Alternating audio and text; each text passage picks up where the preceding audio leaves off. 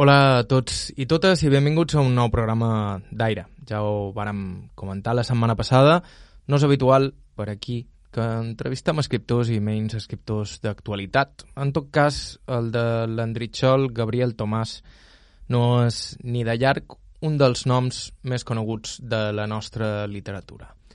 De fet, podríem dir que és un nom obscur, que només recordaran alguns de quan l'any 1970 va guanyar el Premi Ciutat de Palma amb la novel·la Corps afamagats, que just acaba de publicar de nou la nova editorial Moi. Tomàs és un personatge estrany, molt peculiar dins els nostres cercles literaris que, de fet, mai ha freqüentat. Va publicar un parell de novel·les als 70 i després va desaparèixer del món de la literatura. La llegenda diu que va cremar tot quan tenia mig escriure i mai va mirar enrere. Sí, sí, sí, sí. Bueno, vaig cremar... Eh, sí, tenia original de coses que sabia que no anaven enlloc, ni ni, ni enlloc, que vaig cremar. Perquè no eren, no eren de d'un interès que a mi no, no m'interessa, és a dir, un interès que veia que aquell lloc no aniria mai enlloc, perquè després van anar sortint escriptors i ja van anar sortint va venir la demogràcia i aquí l'home molt va esclafar a molts escriptors que volíem escriure però perquè podíem escriure del passat però havia de fer molt bé perquè la democràcia te duia els altres vents i la democràcia ja te permetia ser realment un escriptor de veres no? i, i la democràcia eh, va començar una època molt bona, ja me diré, si parla de democràcia ja em diu, però una estancada. I que, sí que, que, i que el teníem escrit no ha passat, però no anava enlloc. I en què vos heu dedicat tots aquests anys? Des de que... Oh, llegir, tenia que lle- llegir, i, com que jo eh, no tenia aquí, Andrei no està Palma, ni està Manacor, ni està eh, a Inca, per exemple, que tens un editorial o tens un, un diari que te, que fas una feina i que te la publiquin. Aquí no hi havia res de tot això, no, no he estat... I esclar, ja no és que intentaves escriure i intentaves fer res perquè sabies que no després no tenies qui te publiqués. I he de fer feines per, per, per l'aire del cel. Gabriel Tomàs va decidir no escriure ni publicar més llibres i centrar-se en la seva altra vida, la de cambrer, la feina de l'hostaleria, que havia iniciat amb només 15 anys. La feina fins als 65 anys, la feina a la cadena Son. Eh, el casar Bendià. Son, Magaluf. Però jo no, literalment, ja estava de, desconnectat del món de Palma i del món literari i per tot, i el que tenia ja me'n fotia de tot. I aquest és precisament el secret encant dels seus llibres, que, a diferència de molts altres escriptors en llengua catalana dels nostres temps, Gabriel Tomàs no és professor ni funcionari de carrera, no ve de casa bona ni va rebre una gran educació. És un escriptor autodidacta que va intentar sempre contar les vides petites d'aquells que, com ell, provenien de la classe obrera. Jo no podia escriure sobre una cosa que no coneixia, que és el que fa molts escriptors locals, eh? que escriuen la lluna i no hi han estat mai. No? Jo escrivia del que me contava una camarera o que me contava un, un que feia feina en jo. Aquestes històries són les que alimenten Corps afamagats, la seva primera novel·la, i les que escoltarem en el programa d'avui, com els destins de nadius, forasters i turistes es van creuar a racons de les illes que fins feia res ni tan sols existien amb noms com Peguera o Magaluf. Estau escoltant Aire a IB3 Ràdio, us parla Joan Cabot, començam.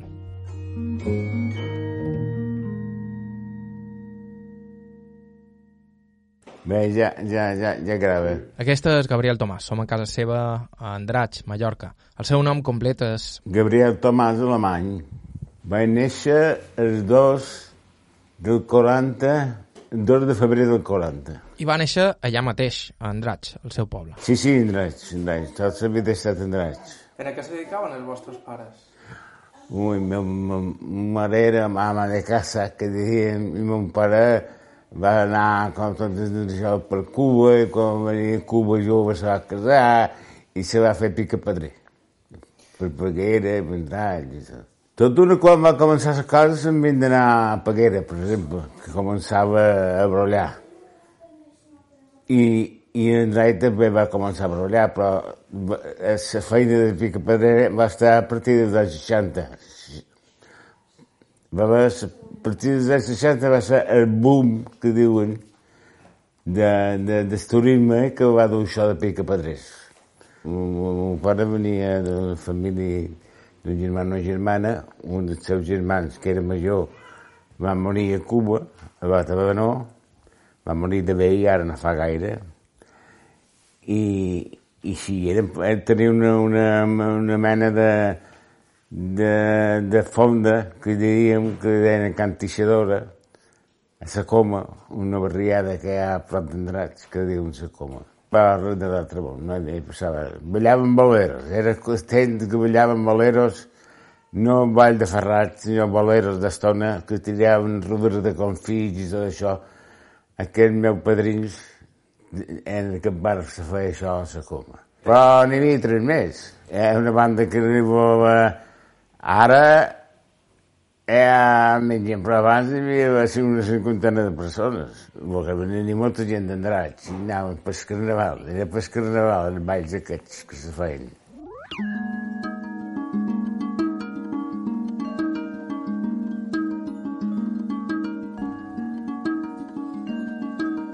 Gabriel Tomàs recorda Andratx com un poble senzill, allunyat de Palma, no només pels quilòmetres que hi havia entre un punt i l'altre, sinó també per les dificultats per desplaçar-se. Allà la seva infància va ser feliç, però com ell diu, també va ser magra. I no només parla de qüestions econòmiques. Ah, molt, molt, diria molt magre, molt magre. No, no parla de, de, de, de, de allà, parla d'espectacles, de, de, d'escola i de, no sé, molt magre. Una infància molt alegre i molt decidida i molt, molt, molt fantàstica en quant a companyeros i en quant a això, però en quant a culturalment i activament res, res de res. Perquè ja teníeu com aquesta, aquesta inquietud per la cultura de petit? De petit no, no, no, no, no, no, aquesta inquietud me va néixer quan jo tenia 11 anys o 10 anys. Vaig anar a fer feina em va ajudar, no sé què de dir, en el seminari Andratx, que sortia cada setmana. I que i te fotien a una caixa de caixista, eh, com fan una lletra darrere l'altra, i aquí, clar, jo vaig que, que passàvem per les meves mans l'original de, de Don Pep Ensenyat, de, de, de, de Baltasar Porcel, i d'altres petits escriptors o gent inquietant que escrivien el diari. I jo això me va entrar, no? me va, me va fascinar i, i, i mira, però realment jo no som ni periodista ni som escriptor. Això ja ho he dit un parell de vegades. Les coses venen així. És que no hi havia inquietud aquí de... No hi havia, no hi havia inquietud literària. No te feien per, per tot el poble, per, per, per que sigui, no feien una cosa. De, una que havia d'entrar que deien Macià Feixes feia unes poesies molt bones, un capellà, unes poesies que creien que eren molt bones. Ara, una vegada rellegides, no van molt bones, perquè els capellans ja saben el que passa. Van sempre en seu favor. Eh, ara passa fulano de tal que ha fet una poesia en el diari. Ara aquestes coses, però eh, d'una manera escolàrica, no, res de res. I a Ca Vostra? Abans no hi havia ni, ni un llibre, ni un llibre. Jo pensava tot d'una quan va començar en aquella època que el mallorquí, el mallorquí era només les guaules o les comèdies, les comèdies de, de Sartit, de, de, que feien ser fortesa, eh, la companyia Artis, no? que ja no hi havia res més. O les guardes que se feien pel poble. Ja no hi havia res més. Després, clar, això, en el, dos anys o tres anys. Després, a poc a poc, va, va, van sorgir en Barcelona, va sortir, que va aficionar a literatura catalana I te vas, i te vas donar compte que, que tot això que se feia per poble de, de, de les comèdies de fortes de presa, perquè eren molt divertides i molt bones, però no eren, tenien cap excel·lència cultural, dirien, no? I després jo vaig anar descobrint eh, que descobrint el nom de, de, de, de, la llengua mallorquina eh, i vaig anar a descobrir els catalans i vaig, vaig, me vaig donar de, de, quina raça eren altres i el mal que me'ls feia el franquisme aturant eh, no publicar en, en, en mallorquí ni expressar-se, ni molt menys. Perquè vareu anar a escola, vos? Molt poc. Molt poc escola. Va anar, no sé, interrompidament, saps? Interrompidament, perquè quan no feia feina sempre feia feina en un bar o sempre interrompidament. No podia vaig tenir tant de professors, ni, ni jo ni ningú. Era molt, molt, molt, molt, molt magre, molt desfassat, i molt, en fi. Ara, cap de temps, te'n dones compte el mal que me va fer aquella, aquelles èpoques de, de postguerra. Mal perquè hi havia necessitats més imperioses que la cultura, que era un bé escàs, un luxe que semblava que només alguns es podien permetre. Allà, per exemple, simplement mateix que anava jo a fer feina, que no fa feina, feina un horari fixo, no? I anava, quan anava, no te donaven quasi per anar a la Xina a una això, això que fas història. No, no donaven també per comprar llibres o per anar a repàs o per anar a altres professors que t'ensenyessin, que per l'altra banda no hi havia. Andrats, això són andrats, que estaven com aïllats, de Palma i aïllats dels altres pobles. Perquè en canvi tens pobles d'esplà, començant per Santanyí, Camp, Llumalló, que hi havia estreny. Estreny te passava per el poble i tu anaves coneguent gent, no? Gent de Santanyí, gent de, gent de Llumalló, gent de Campos, però en no hi havia aquestes comunicacions. De quedava, estava aïllat. Havia els altres de passatge, però duien gent d'aquí cap a Palma, de Palma cap aquí. No? perquè passava per Peguera i passava per Santa Ponsa, però allà encara no hi havia ningú, no hi havia res, ni estrany ni res. Això canviaria radicalment en molt poc temps.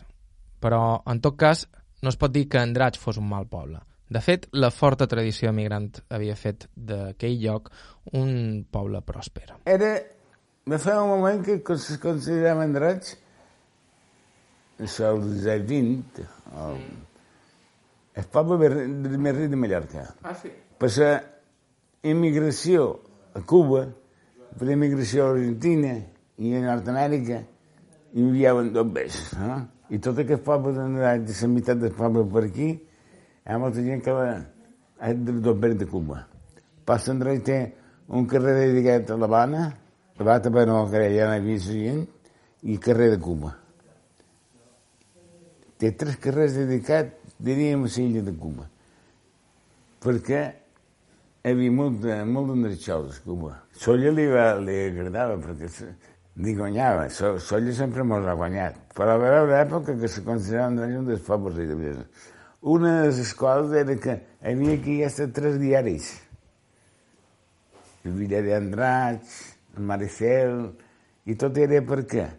Enviaven els diaris a Cuba, a Argentina, Amèrica, eh, tots els diaris enviaven els, endreçols que hi havia allà i se mantenien per aquestes coses.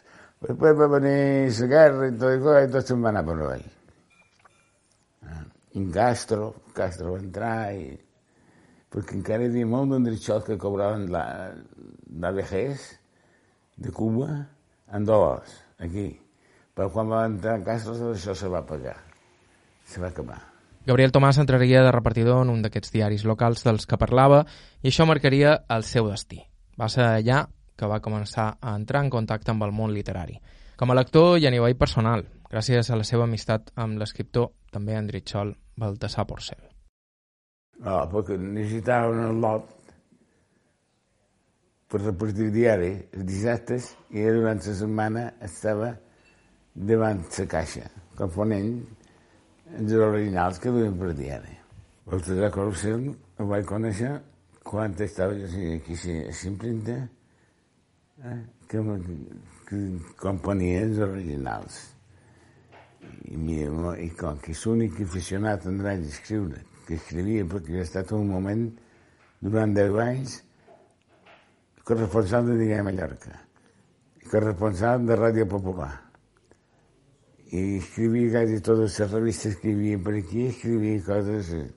I, i, i potser pues, me va agafar una certa admiració, estimació, que diem, i, me, i era que m'aconsellava llibres i m'aconsellava coses. Jo vaig conèixer tota la literatura catalana i part del món, si queda traduïda, gràcies a ell ell és qui m'aconsellava, me recomanava llibres i tot això. Jo he estat a Barcelona i he conegut molta gent que sense ell en conèixer-lo, que jo el coneixia des de Renyat. I començant per crític com en Josep Maria Castellet, en Malnes, en Josep Pla, Josep Pla bastant drets. Jo el vaig conèixer en Villalonga, Villalonga vaig conèixer també molt i vaig tractar bastant eh, jo que té dia de llevar una cosa. De. Aquí en Draiva un moment, un moment va venir, a través d'en Polser van venir, però van venir de manera particular a seva. La gent del poble ni se va centrar ni, era, ni sabien qui era ell. Pues va venir Josep Pla, de Mora, Molen mateix, que és un gran personatge. Josep Pla era un mica extravagant, Josep Pla. Josep Pla un, un, un llibre de, dedicat seu, d'illes, i després molt xocant. Jura, per un home ja, ja tenia 70 anys, 75 anys. Era molt, no li agradava molt conversar. No se, no se ficava en, en la gent, no, no, no li agradava a la gent. Ell anava a estar tranquil i tot això no va voler que diguessin quin raig hi havia Josep Pla, per, perquè sabia que eh, això serà un mosquer, no sé què. Però vaig conèixer això de molt poc, no? he tractat molt la seva literatura, això sí, però eh, ell personalment no vaig tractar, no, no vaig tractar eh, íntimament, no el vaig tractar me, parlava de Cristóbal per aquí tal, i tal, però no. M'he venut, em vaig conèixer a través d'en Damià Huguet i Porcel, va anar amb en Porcel, en el cotxe d'en Porcel, un cupe que acabava de guanyar en Josep Pla, ell, i vam anar a Santanyí. No vam anar a Campos a dinar amb en Damià Huguet, i en vez amb en Huguet vam anar a veure en Bonet. Bonet amb Miguel I veurem de carrer de Palma allà a Santanyí, després vam anar a Calabó, que és la seva germana, no sé què. Però aquesta gent, si no te coneixia, només no te coneixia bé, no, no, segons que no, no em volia parlar. No, jo no vaig parlar mai de literatura. No, bueno, li vaig parlar que te coneixia un llibre que es deia Entre el coral de l'espiga, a veure per què no havia... I que la gent te, te, te refusava, no sé, no te refusava però no anava d'entrar dins la seva literatura. I a Barcelona també, a Barcelona, a Montporcel vaig córrer totes les redaccions 62, Destino, que ell va ser director, planeta, tot això vaig conèixer molt de personatges. I això era una gran satisfacció per jo, perquè jo l'havia llegit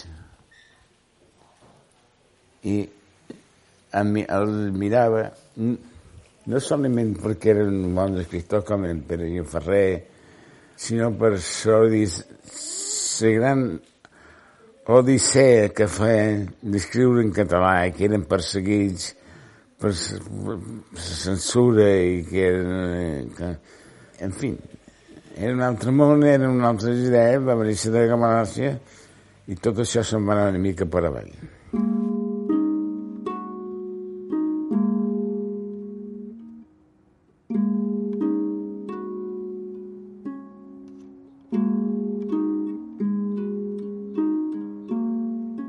Era Gabriel Tomàs, escriptor, entre d'altres coses. Estau escoltant Aire a IB3 Ràdio, fem una breu pausa i continuem.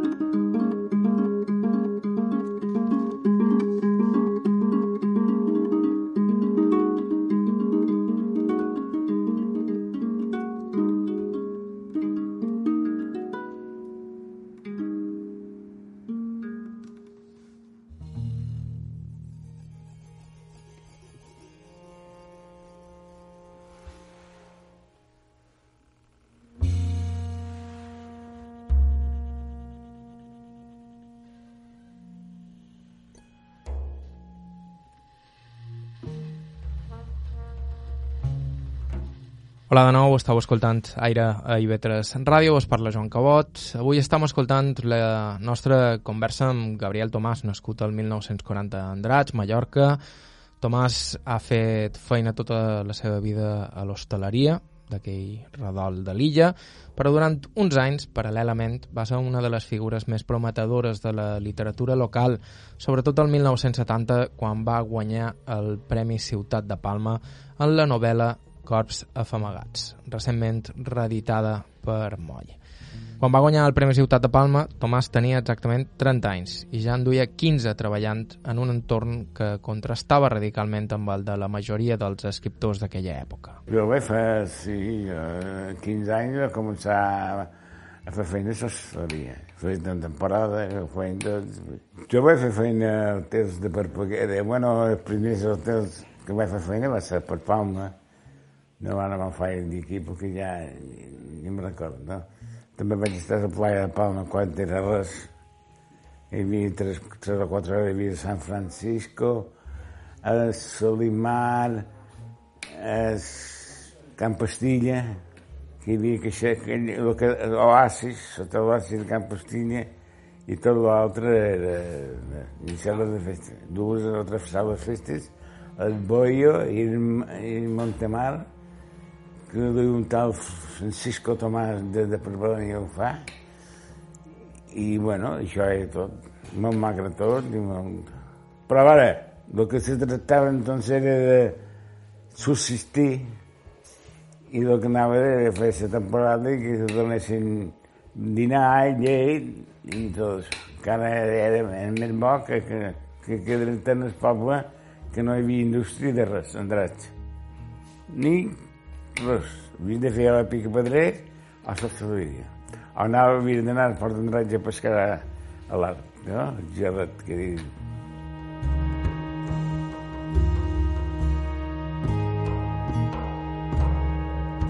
El turisme, aquell racó de l'illa, crearia autèntics leviatans com Magaluf, però en aquells anys era tot molt més innocent. Les illes canviaven a tots els nivells, alguns més obvis i d'altres més subtils, i per a joves com Gabriel Tomàs s'obria un nou món en tots els aspectes. Turisme era, molt, era diferent, molt català. Mira, anava a fer feina de Peguera, per exemple, que està, que, que està prop d'aquí, està prop d'Andrés. Però llavors em quedava tan lluny que si no tenies una bicicleta no tenies... Eh, havia de quedar a dormir a Peguera. I és quan coneixies la gent que venia de la península, que encara més pobre que tu, perquè no hi ni llingi, eh? i anaves coneguent, i era un altre món. Ara ja vas a en un hotel, eh, lleis laborals, eh, paro, eh, els, els propietaris ja s'han posat més ojo vivo, diríem que no, no, no tenen treballadors així, sense assegurar i sense res. Llavors, sí, llavors acabava la temporada i que per no, no t'havien assegurat societat social. Però quan va venir la demogràcia, que hi havia sindicats, tot això va canviar. I ara ha canviat molt, sobretot les qüestions laborals. Tens els teus drets, els, els propietaris no, no, no, no t'enganen, el dit te tenen el dia i tot és molt millor. La gent va prosperat, ja ha prosperat. Com eren els turistes que hi havia a zona de Baguera? Ah, molt contents. Per exemple, hi havia a Santam, que eren francesos que coneixien, que venien de francesos influïts per la racó que tenim els emigrants a França. Perquè eren, com saben, els alemans. Els alemans, però no de manera massiva com ara, sinó comptats alemans. Santa Ponsa ja hi havia més inglesos, sobretot havia inglesos, i vam anar també, i, i, i així era així. Però eren turisme molt pobre, també, no te creguis. Eren rics de veure nosaltres que eren pobres. Però ells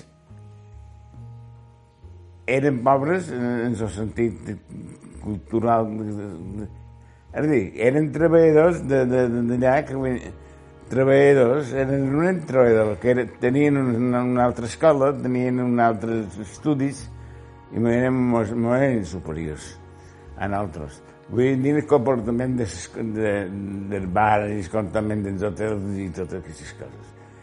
I de veure aquí, eh, llavors els que feien la temporada, els que feien la temporada, com que venien per sis mesos, venien per cinc mesos, venien per set mesos, de guardar tot vespre, després passar si venen.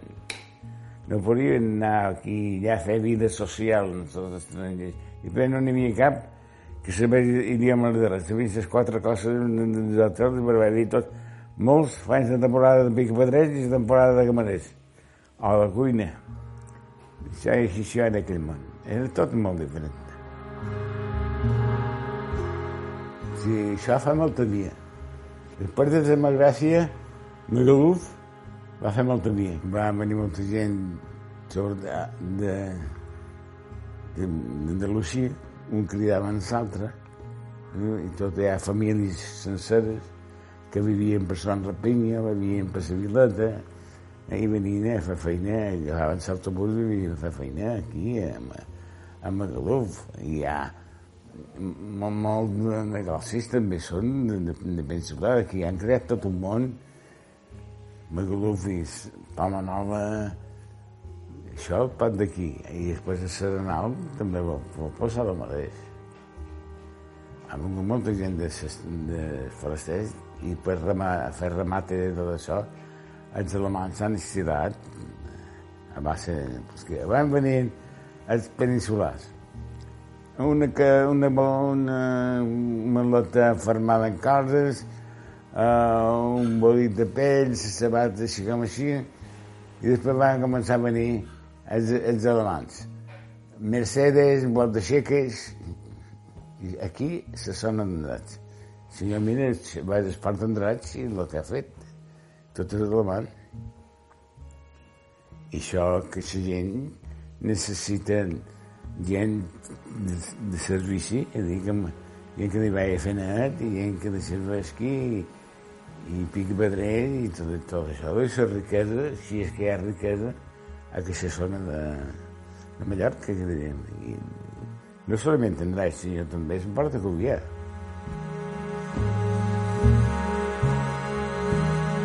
En, en Draix hi havia, per exemple, sota l'Alfonso tots eren Richards. El Victori tots eren Richards. I després, tal, és que, però, d'un mes. Això, en hi vivia d'això. No, el dels anys, dels anys 50, el, el 55 o 54, 6, en els, en, en, els, en els 60, que van començar a obrir hotels per aquí. Aquí passava una cosa que va néixer Peguera, exemple, començava a créixer Peguera, però la gent se quedava allà, ja, no venia a Mandroig. No, els endreçals no anaven a Peguera Anaves a Peguera que no coneixies quasi ningú. Anaves a fer feina a un hotel de Peguera i quasi tot eren peninsular que havia vingut de la península, perquè un cridava els altres. Sobretot de, de, de, de la Sierra, de Albacete, murcians, andalusos, alguns andalusos.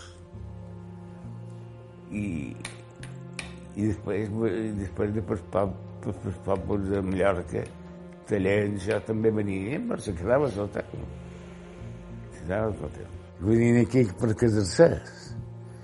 Les dones peninsulars venien a Mallorca a cercar perquè va tornar al Cortijo, va anar a cortar el poble no aguantava. Ja havia, ell també havia tingut un contrast més gros que nosaltres en topar el món mallorquí i en totes les coses d'aquí. Però clar, s'anaven acostumant i tot això. Però el que era nòvio. I, i els homes, els homes peninsulars que diem és que feien feina de tot, i el mallorquí també, no és que cerquessin, no volguessin tomar el lote, cercaven el lotes però dins del món turístic, divertir-se en les estrangeres. Després, eh, quan venia el final de temporada, anaven al poble i, i tornaven l'any que ve, això era així. Eren molt, molt bona gent, continuen sent bona gent, però tenien, de vora nosaltres, de mallorquins, tenien una altra cosa de ser. Ells, quan venien aquí, venien i el primer mes trobaven a menjar bo, que el salari és molt bé, però una vegada que, que havien superat això ja començaven a, po a posar pegues a tot. Pegues del patró, no, no, no.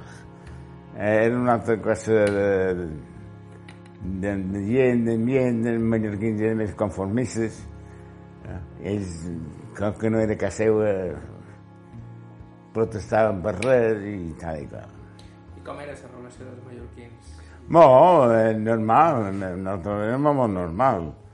Les situacions normal, nosaltres teníem la nostra manera de dir i de pensar i, i bueno, però són normals. Aquí en Draig hi ha molt de forasters, i de mallorquins hi ha més forasters en Draig, és un poble de forasters. Eh, mallorquins, família mallorquins, tal i qual, però no, els forasters que del mínim, diríem, a l'hora d'anar a votar, són ells qui comanden. Perquè, clar, a poc a poc, i passats els anys, s'han donat compte que els mallorquins estaven més preparats per, per donar relacions socials que ells que apenas sabien llegir. A hores d'ara seria impossible imaginar el poble, la zona i les illes sense la influència i la presència d'aquella gent que va venir de fora per treballar i va acabar establint-se aquí. Tampoc sense la presència dels turistes. Andratx i Calvià són, en efecte, dos dels municipis de Mallorca més transformats per al boom turístic. Anem gràcies als alemanys i gràcies als, als, als immigrants forasters que van venir, que van repoblar, dirien, la perifèria del poble. Que és a Tervelles, que és a Tervelles que devien tomar-les per aprofitar les vigues i vendre les vigues. I quin desastre feien ara, feien abans.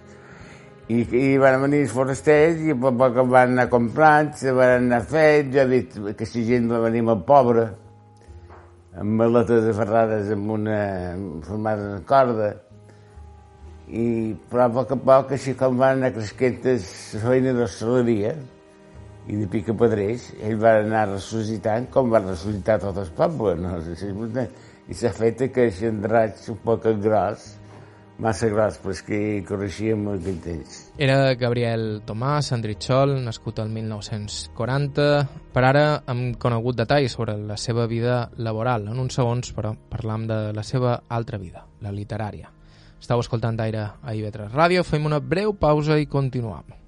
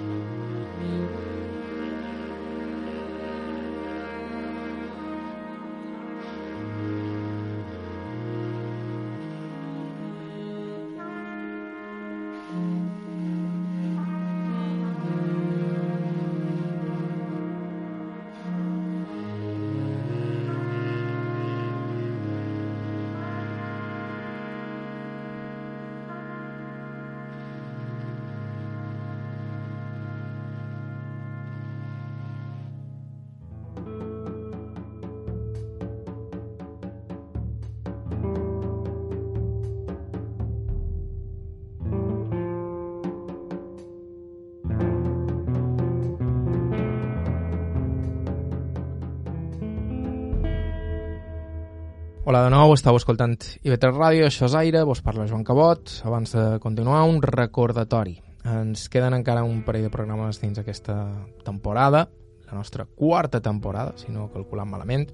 A l'agost descansarem un poc, però malgrat no s'emetin nous programes d'aire, sí que continuarem fent entrevistes i sempre estem cercant testimonis interessants, sobretot gent major que ens pugui parlar de com eren les coses abans o hagi viscut fets insòlids, ja sabeu que si teniu algun suggeriment ens podeu escriure a aire.ib3radio.com o bé ens podeu deixar un missatge al 971 13 99 31 971 13 99 31 en el programa d'avui estem escoltant les vivències de Gabriel Tomàs, escriptor, però un escriptor peculiar. Algú que amb 30 anys, quan era cambrer, va guanyar el Premi Ciutat de Palma de novel·la i que després del seu següent llibre va decidir que n'havia tingut prou d'aquella vida d'escriptor, encara que fins i tot la mateixa paraula escriptor diu li produeix certa al·lèrgia. No, no, no, no, això la paraula escriptor me fa fàstic. Jo la meva paraula ser que jo del lot, el que t'he dit jo de jove, me vaig entusiasmar la literatura catalana i vaig descobrir els mallorquins, no? vaig descobrir els joves mallorquins d'aleshores com era en Boi Bonet, com era en Pare, com la, la mateixa feina, gran feina que feien mai, aquestes coses. I la persona anava guanyant premis i anava i m'influïa molt. Jo vaig començar a escriure i va sortir aquesta novel·la que ara en realitat, que encara som els primers sorpresos jo d'aquesta cosa. No, no, la tenia, estava ben col·locada a edició 62, quan la vaig publicar, mm, vaig vendre molt, molts números, molts exemplars, més que molts escriptors que coneixia. Eh? No sé per què encara, perquè i ha estat aquesta una literatura sobre forasters i, i mallorquins, eh, que és aquesta novel·la, com no hi ha hagut altres escriptors mallorquins que s'hagin interessat pues, pels immigrants. Així com a Barcelona, a Catalunya teníem Francesc Candel, eh, és un que va escriure sobre els immigrants de, de Barcelona, els altres catalans, la ciutat no canvia nombre. Aquí a Mallorca no hi ha hagut escriptors que han escrit sobre els immigrants. De passada alguns, però no així d'entrada. Ni, ni, ni sobre els immigrants, ni sobre la guerra civil. Tot això són temes tabús encara a Mallorca.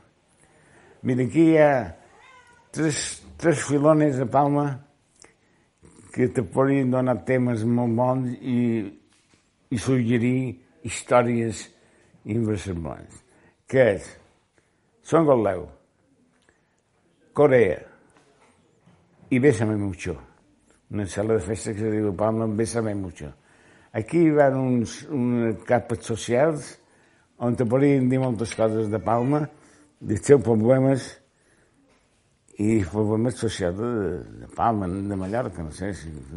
I ningú tampoc ha, ha, ha, ha furgat, eh? ha anat a cercar coses, temes. Aquesta és probablement una de les coses que més separen Gabriel Tomàs del món literari, el d'abans i el d'ara el fet de ser un escriptor de classe obrera que parla de les vides i les preocupacions de la classe obrera, també de com els treballadors mallorquins i forasters s'adaptaven als canvis socials, laborals, econòmics i culturals d'aquell boom turístic. Sí, sí, jo vaig anar descobrint tot això, les poesies que feien Llompart, per exemple, oh, oh, Bonet, sobre l'Igwesi sempre ha hagut un bon escriptor, però de l'Igwesi, de l'Igwesi, no? I la societat baixa no ha tingut. No ha tingut aquí una mena de d'escriptors que, que bueno, ja t'he dit jo, són el Leu, són el Leu, bueno, que te pot donar de sí, molt de sí, per lo que ja, ja, si droga, prostitució, si negre, si blanc, tal. De ningú ha, incidit. Sí. Sí, vareu tenir contacte però amb el món, amb, personalment, amb el món literari d'aquella època. Quan vaig guanyar els premis, sí. Molt poca cosa, perquè no m'agradava aquell món de velles i de picabaralla i, i, de, i, i, i després tu escrivies un llibre i, i les editorials no, no anaven, no, no, no, no deixaven i tal. I me vaig donar compte que estava cremant un temps boníssim de, de, de, de joventut darrere un món que no funcionava. Perquè no publicar un llibre vol dir que ja és, ho he fet tot en aquest món. Però lo interessant és viure la vida. I si escrius, si has de fer feina i has d'escriure, estàs, cremant, estàs t'escansa la teva joventut, no sé. Jo vaig descobrir en aquell moment en molt temps vies més alegres i vies més millors que, que vaig escriure. Quines eren aquestes vies més alegres? Però, Com? Que, m'adeu, vaig descobrir vies més alegres de viure o... Sí, discoteques, eh, anar a picar estrangeres i aquestes coses. Però quina edat teníeu quan vareu guanyar a Ciutat de Palma? Jo tenia 30 anys. Però com que venia d'un passat molt, molt fluix en tot, descobris el món quan ja tenies una certa edat que tenies cotxe. Te podies desplaçar en, en el lloc turístics de prop d'aquí, en cotxe. Que guanyàveu dos bes. I guanyava, sí, i, i sols era millor. Tot era millor. Quatre idiomes i aquestes coses. I vareu abandonar completament el món literari. Completament no, vaig escrivint, però jo tenia un professor que veia llegir les meves coses i si no, i si no li agradava, pues, de no, això no, no així, tal, ja ho deixava anar, no, no, no existia. No, redolaven, els meus originals no redolaven, per exemple, dirien les editorials. I, pues, aquell entonces, és, és més fàcil publicar que abans. Abans havia Esclam de Moll, que era qui dirigia, qui duia l'assumpte. John Part, Manila, mateix Naina Moll, i tota aquesta gent era que quan duies un original a Camp Moll, era, passava per sedàs d'aquesta gent. No, no, la tecnologia era una altra i costava molt.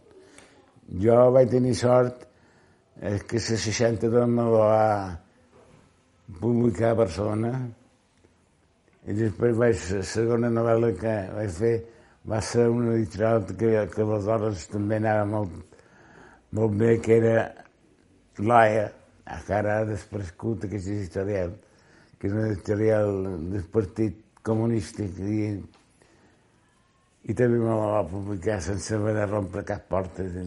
Sí, segon. I també el reeditareu, aquest. Ah, jo no sé, això... Eh, mira que s'ha fet aquells el que s'ha fet en Corsa Famagat, i els primers sorprès són jo. Va ser tot de la de moll. Va venir amb Antonio Canyelles, a xerrar amb jo si li donava, i vaig firmar el que volia, i, i, i tot va sortir d'ells. Tot, absolutament tot. Jo no m'he mogut d'aquesta cadira, ni m'he mogut. I, I ara la segona, aquesta que diu tu, no sé si ho faran. Si, tot dependeix de l'èxit de coses famagats. Però bueno, no sé. Jo encara no l'he llegida. jo he estat el primer sorprès quan m'han volgut reeditar aquesta novel·la i per altra part estic content, que això s'ha de fer, naturalment. Seria idiota dir que no. Però el que més m'agrada és que Can Moll permaneixi, pues, continuï lluitant per la llengua mallorquina i lluitant per la literatura catalana. Això, per jo, els, joves de Can Moll fan una gran feina que, que, que això és el que més agraeix d'aquesta nova etapa meva que no passarà més d'aquí.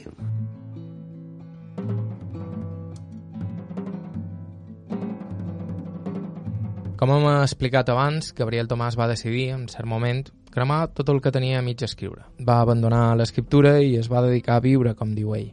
I mai se n'ha penedit, en part perquè la literatura i la transformació profunda que va exercir la literatura en aquell lotet d'Andrats que va entrar a fer feina a la revista del poble de repartidor no va desaparèixer del tot mai de la seva vida. Vaig descobrir el món quan vaig començar a viatjar. Eh?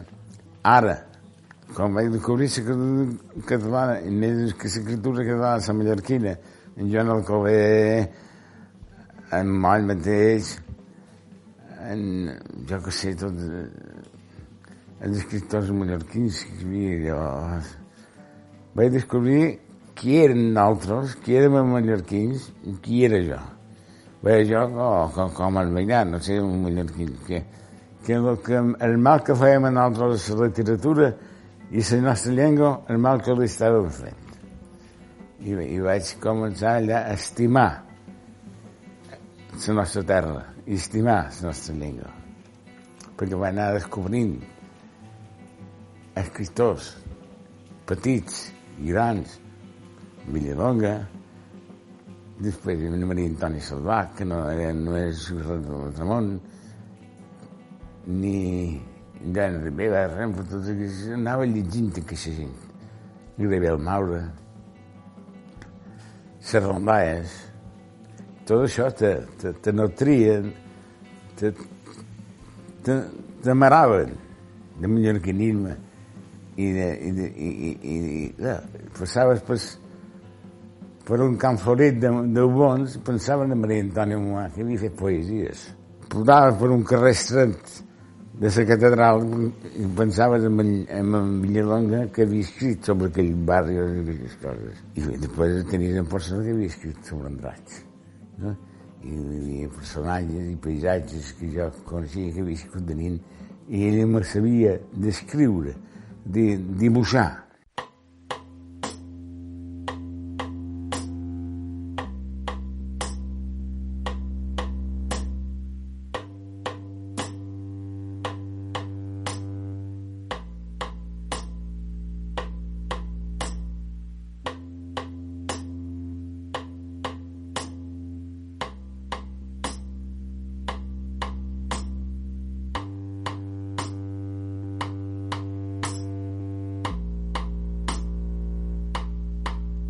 escoltat Aire a Ivetres Ràdio. Moltíssimes gràcies a Gabriel Tomàs pel seu temps i moltíssimes gràcies també a la seva dona per la seva amabilitat i a Tomeu Canyelles de la nova editorial Moll per parlar-nos de Tomàs i de la seva obra.